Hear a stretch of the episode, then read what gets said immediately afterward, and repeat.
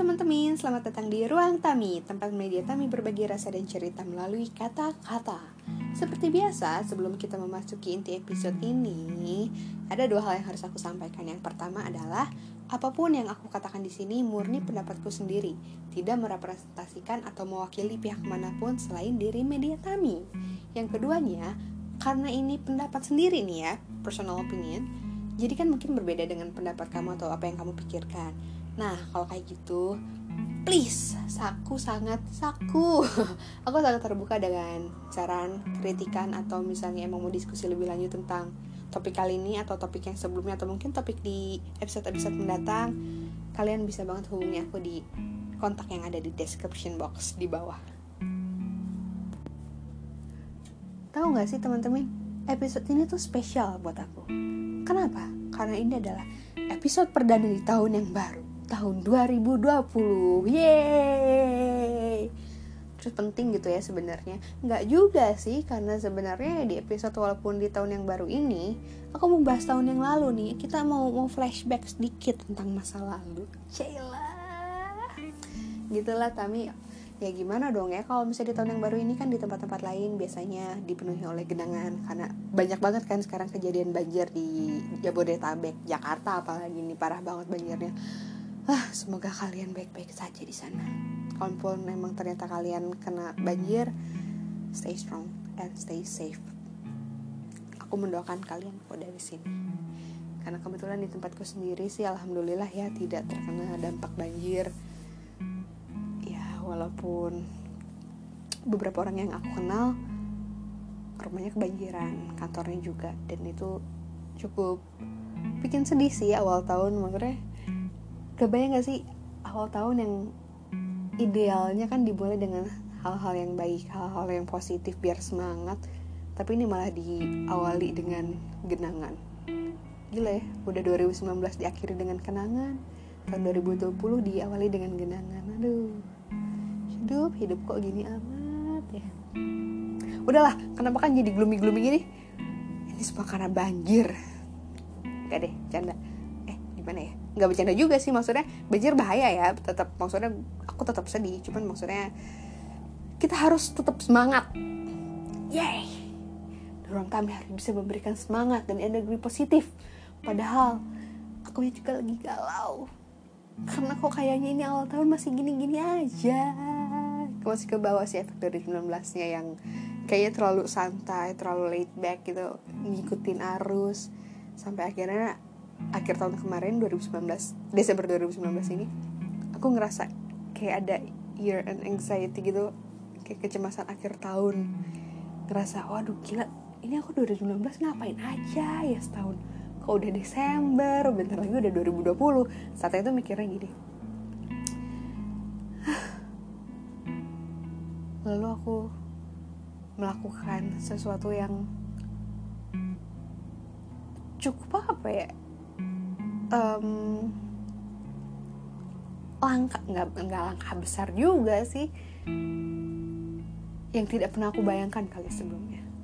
Jadi awal Desember kemarin karena itu karena lagi gloomy ngerasa gila satu tahun udah lewat begitu saja terus kayak nggak ada hal signifikan yang aku lakukan atau yang beneran mempengaruhi hidupku sampai akhirnya bisa jadi lebih baik dari sebelum-sebelumnya. Akhirnya awal tahun eh awal tahun akhir tahun kemarin aku memilih untuk ngontak seorang teman mentor aku minta bantuan. Please bantu aku ke jalan yang lurus. Sela bantu ke jalan yang lurus. Ya kan maksudnya untuk ngurangin kecemasan aku lah. Karena banyak hal yang tidak aku lakukan terlalu banyak hal yang tidak aku lakukan di 2019 dan 2018 kemarin karena ya ada personal issue. Dan aku terlalu santai menjalaninya. Menjalani hidupku kemarin-kemarin kayak nggak mikirin ke depannya gimana kayak lihat aja lah nanti gimana gimana nya sampai ada satu trigger yang bikin aku wah gila sih ini. Kalau misalnya gini terus parasit banget aku di hidup orang-orang itu heartbreaking for me. Maksudnya menyadari kalau misalnya apa yang aku lakukan itu mungkin untuk diriku sendiri ngerasa ya udahlah ya nggak terlalu berpengaruh juga. Tapi sebenarnya aku jadi beban untuk orang lain dan itu itu menyakitkan sih. Ih, kok sedih ya jadinya? Ya itu sekelas tentang 2019 lalu lah banyak hal yang terjadi di 2019 kemarin. Senang pasti ada. Sedih banyak. Banyak orang-orang baru datang ke hidupku. Walaupun gak sedikit juga orang-orang yang aku kenal pergi. Pergi dalam artian memang aku tidak akan bisa bertemu lagi salah satunya yang paling bikin aku terpukul ketika salah satu anggota keluargaku yang cukup dekat itu meninggal.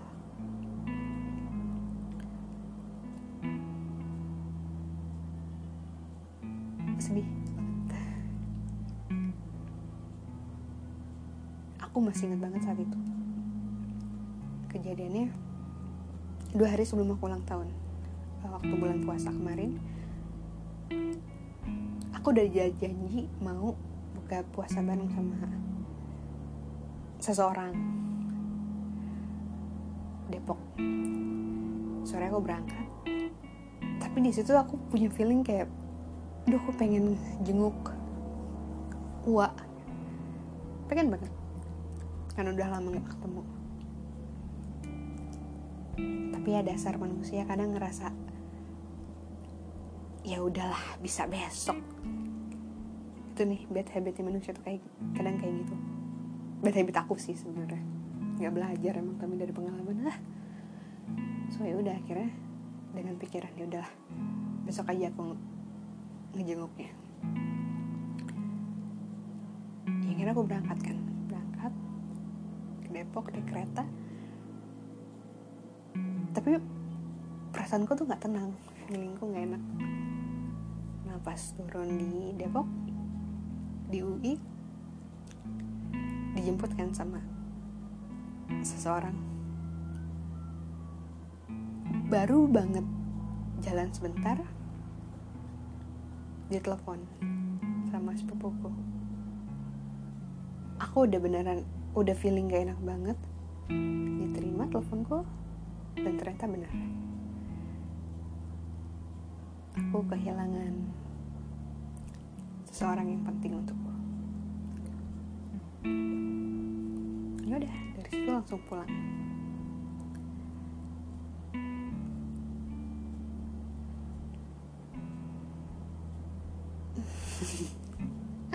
Kok jadi sedih ya ngebayanginnya?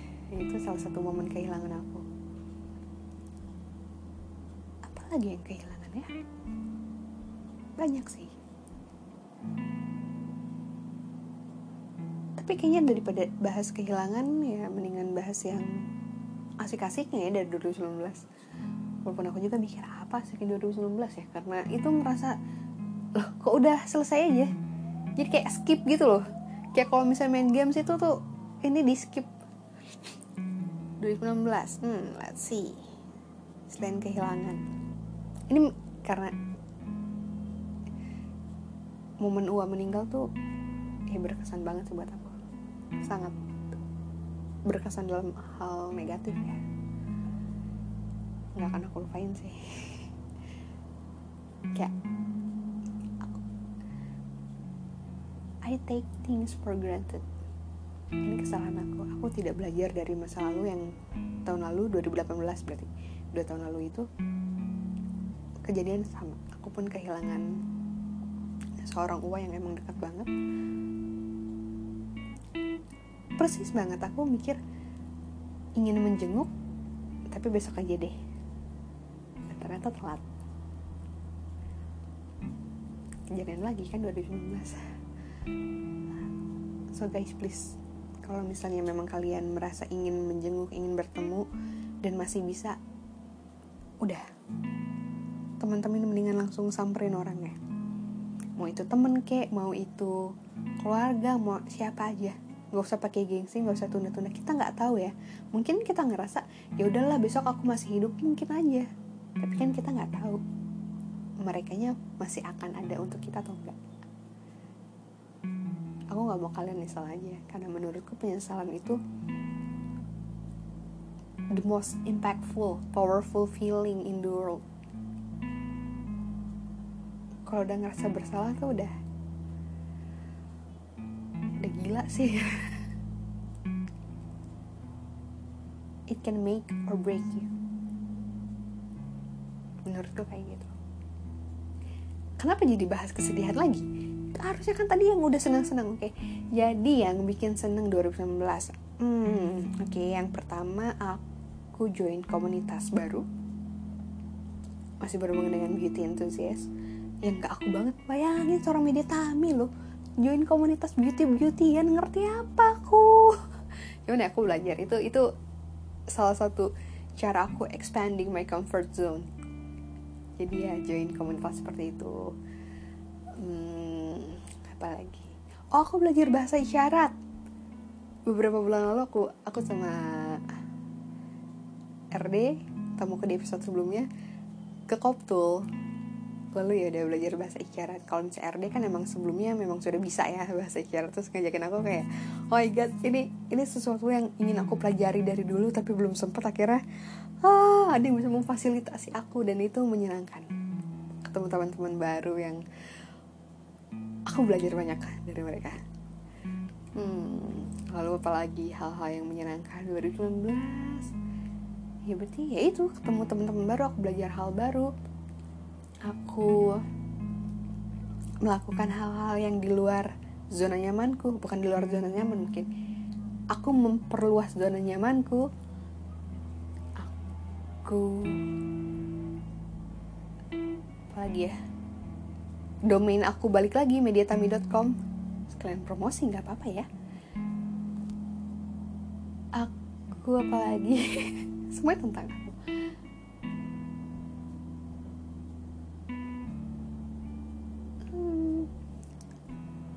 lebih banyak sedihnya sih kayaknya. Eh enggak juga deh senangnya banyak. Cuman yang sedihnya juga masih keinget banget. Dari 19 itu aku sebenarnya masih agak-agak sulit untuk move on ya. Serius dari 19 itu awal-awal sampai hampir menjelang akhir 2019 aku masih kayak agak susah move on dari iya tahulah siapa putus satu tahun lalu eh satu tahun berarti dari sejak putus 2018 sampai 2019 itu kayak ngerasa hmm, aku bisa nggak ya menjalani hubungan baru tanpa bayang-bayang dia? Kayak masih kayak gitu. Sampai di awal tahun ya kuartal pertama atau kedua gitu sempat dekat dengan orang. Tapi ya nggak mikir juga udah gitu oh ya udah selesai putus-putus aja. Masih terbayang-bayang si masa lalu. Sampai akhirnya aku merasa doaku dikabulkan. Jelas seorang kami berdoa. But seriously sejak putus 2018 kemarin itu aku berdoa sih. Berdoa sih. Apa coba? Aku cukup sering berdoa. Simple sebenarnya. Kayak Tuhan kalau misalnya emang aku dan dia nggak bisa mijit nggak bisa barengan sebagai pasangan tolong dong tetap temenan. Karena aku butuh dia sebagai teman. Saat itu aku ngerasa gila nih biasanya ada yang temen sharing apa pun. Even tiny little details about daily life yang nggak penting. Tapi selalu ada teman cerita teman berbagi setiap malam. Walaupun ngobrolnya juga misalnya dia di kerjanya kesel sama kerjanya kayak gitu telepon cuma marah-marah udah gitu ya udah. Tapi aku ngerasa aku menjadi rumah untuk seseorang. Dan aku pun menemukan tempat aku mencurahkan rasaku ke dia. Jadi ketika putus ya kebayang gila gue ke mana lagi nih? Even punya sahabat punya teman tapi tidak bisa bercerita sepuas itu. Dalam artian tetap ada porsi-porsi yang dikurangi atau yang tidak diceritakan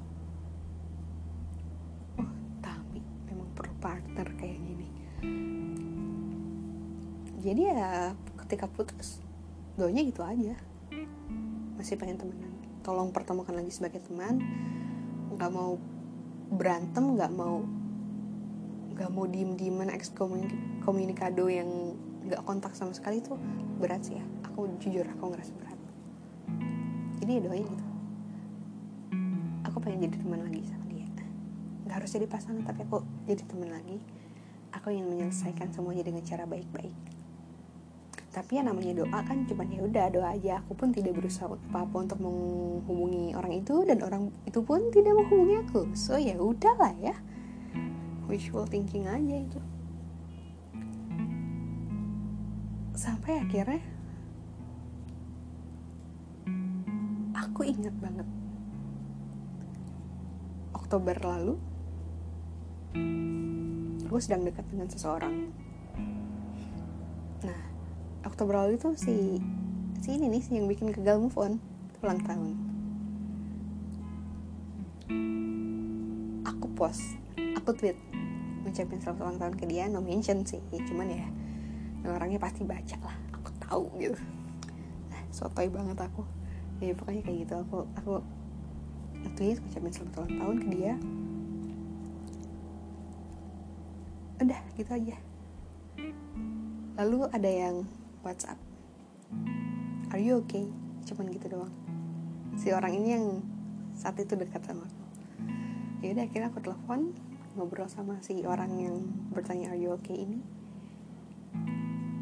Dan akhirnya aku curhat tentang bang mantan. Dan ketika curhat itu aku ngerasa oh damn he knows what to say and how to say it. Si teman curhat ini beneran kayak tahu kata-kata yang selama ini ingin aku dengar dari orang lain. Jadi ketika biasanya aku kalau curhat sama orang-orang orang-orang itu hanya kayak ya udah mi cari pacar baru sana atau ngapain sih bahas ini lagi? Kayak gitu gitu responsnya tapi ketika sama dia enggak dia tidak seperti itu. Dan akhirnya aku breakdown lagi deh. Saat itu beneran ngerasa oh ada yang paham perasaanku seperti apa. Thank you. Dan dari situ malah ngerasa lega ngerasa udah lepas. Ngerasa sedikit beban masa laluku sudah terlepas. Karena aku hanya ingin dipahami dan dia bisa bikin aku merasa dipahami itu part satu ya part satu tentang beban masa lalu. Nah yang part duanya adalah sebulan setelah itu paginya tuh aku mimpi aku mimpi tentang si bang mantan. Ya bang mantan. Yang bikin susah move on ini mimpi mimpi dia ngontak aku. Dia mimpi jadi di mimpi itu dia ngontak aku dan baik-baik aja gitu. Kayak nggak ngerasa bersalah kayak nggak ada apa-apa. Ngobrol naik kabar. Agak aneh sih. Karena biasanya mimpiku ke dia tuh nggak mimpiku tentang dia nggak pernah seperti itu. Tapi yang namanya mimpi jadi aku anggap oh ya udahlah. Eh ternyata itu kan mimpi pagi. Aku sadarnya pagi. Terus jam 11 malamnya bener dong dikontak sama dia.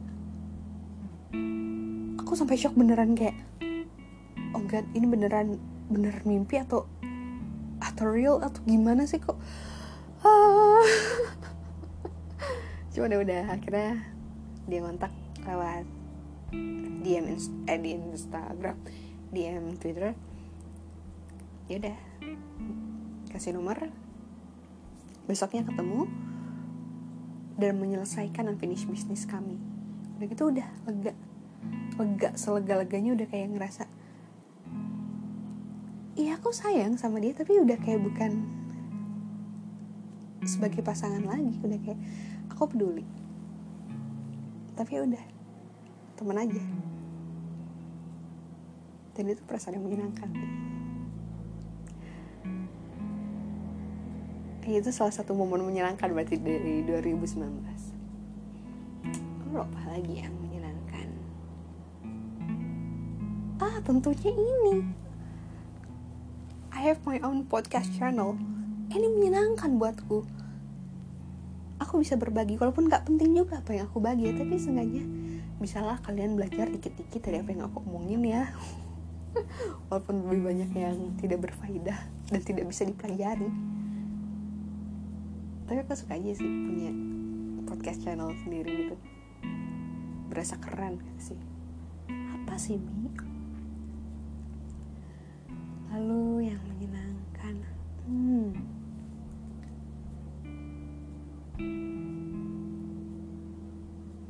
Ah aku tahu. Mungkin bukan menyenangkan sih. Yang aku yang aku syukuri dari 2019 adalah aku masih bertahan. Aku memilih untuk bertahan dan menurutku itu suatu achievement untukku 2018 2019 itu bukan bukan tahun yang mudah. Cukup berat. Tahun-tahun yang bikin aku mikir aku tuh ngapain sih ini? Kok kayaknya baru bangun tidur tuh sudah tidur lagi terus kayak seharian tuh aku ngapain? Kayak nggak produktif kayak apa sih yang aku lakukan dengan hidupku dalam hidupku nih aku ngapain sih? Aku ini apa? Mau tuh apa sih? Kayak banyak pikiran kayak gitu tapi survive. Aku banyak menyakiti diriku dengan apa yang aku lakukan. Dan mungkin untuk orang-orang yang kenal aku tahu banget I'm the master of self sabotage aku sangat handal dalam sabotase kebahagiaan diriku sendiri. Contohnya aku dapat tawaran pekerjaan. Sebut saja di A. Aku iya ketika dikasihnya aku ngerespons dengan positif. Wah seru banget ya gini gini gini. Nggak aku coba. Aku nggak ngambil dengan alasan-alasanku yang entah kenapa. Kalau misalnya kayak gitu banyak banget alasan yang membuat aku tidak melakukan sesuatu. Banyak ketakutan sih. Banyak yang bikin aku ngerasa aku nggak bisa ini aku nggak bisa itu yakin nih kamu bisa ngelakuin itu mampu melakukan sesuatu yang ya kayak gitu aku aku mengkardilkan kemampuanku sendiri.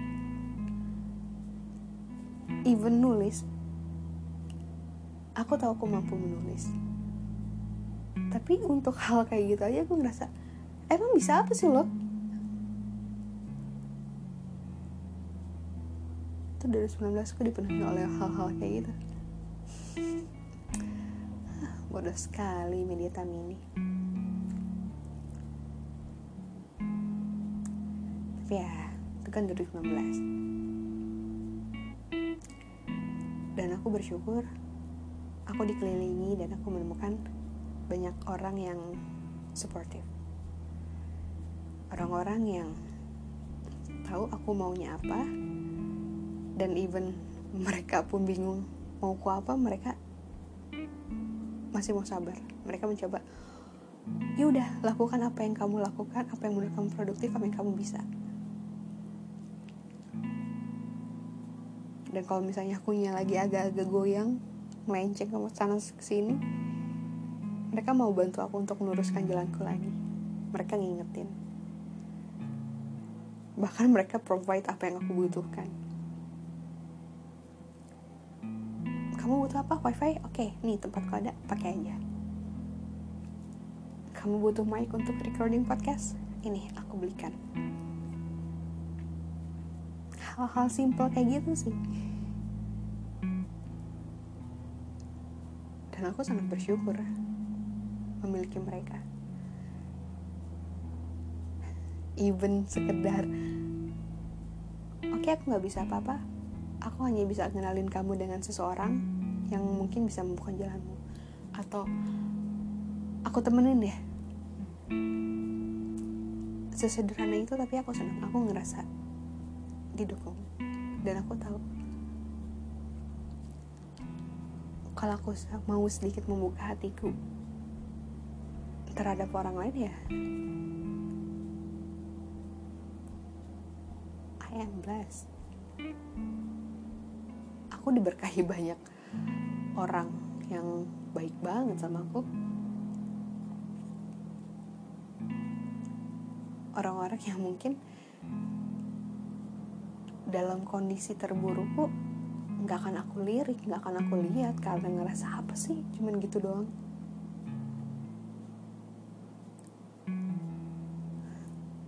Tapi emang namanya manusia ya kita hanya melihat apa yang ingin kita lihat.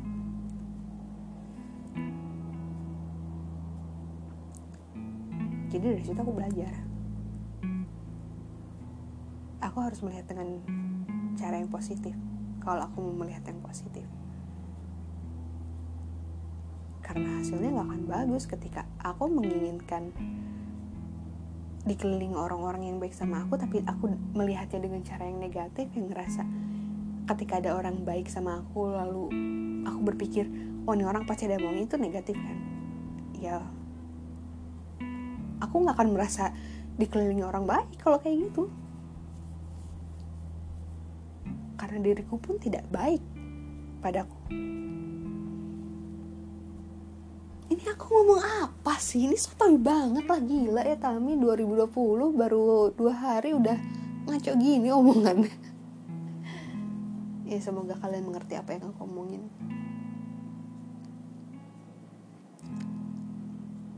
Dari 2019 aku belajar banyak hal. Banyak banget. Banyak yang aku syukur yang pasti itu. Aku berterima kasih kepada diriku karena memilih untuk bertahan. Dan di 2020 ini aku berharap aku bisa lebih bahagia dengan caraku klise banget kayak nggak jelas gitu gak sih indikatornya kalau misalnya bahagia tuh kayak gimana sih? Abstrak banget sih tuh abstrak banget resolusinya.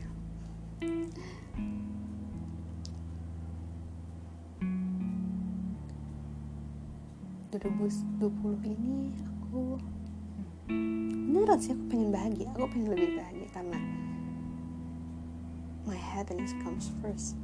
Aku nggak bisa bikin orang lain tambah bahagia dengan eksistensiku kalau aku nggak bahagia. Karena ketidakbahagiaan itu menular. Itu jadi kayak ada aura negatifnya men kayak aku ingin bahagia aku ingin menebarkan virus-virus yang positif virus-virus cinta. Dan harus dimulai dari diriku lah dengan bagaimana aku memandang diriku sendiri aku menerima diriku aku mencintai diriku sendiri dengan segala kekurangannya. Aku mulai belajar lagi untuk mencari tahu aku tuh maunya apa sih ke depannya. Aku misalnya dari dulu aku pengen banget jadi orang yang bermanfaat untuk orang lain tapi dengan cara seperti apa? Bermanfaat seperti apa kayak aku mikirin lagi oke okay, kayaknya yang sekarang orang-orang butuhkan tuh A. Ya udah aku berusaha untuk A. Sesimpel itu. Seenggaknya aku bermanfaat untuk diriku sendiri sih. Tetap ya pokoknya apa pun yang aku lakukan orientasi pertama adalah diriku. Aku bikin orang lain lebih bahagia atau lebih nyaman dengan keadaanku aku harus bahagia dulu. Aku harus nyaman dulu. Aku mau mau bermanfaat untuk orang lain aku harus bermanfaat dulu untuk diriku caranya? Ya dengan melakukan hal-hal yang bikin aku aku bisa jadi lebih baik jadi orang yang lebih baik jadi orang yang ketika bersama orang lain orang lain tuh ngeliat dan ngerasa untung ya ada lo di sini. Dengan seperti itu. Ini tuh obrolan berat nggak berat ya sebenarnya aku bingung deh tapi ya gitulah gitu. 2020 gue ingin kayak gitu. Kalau 2020mu kamu harap akan seperti apa?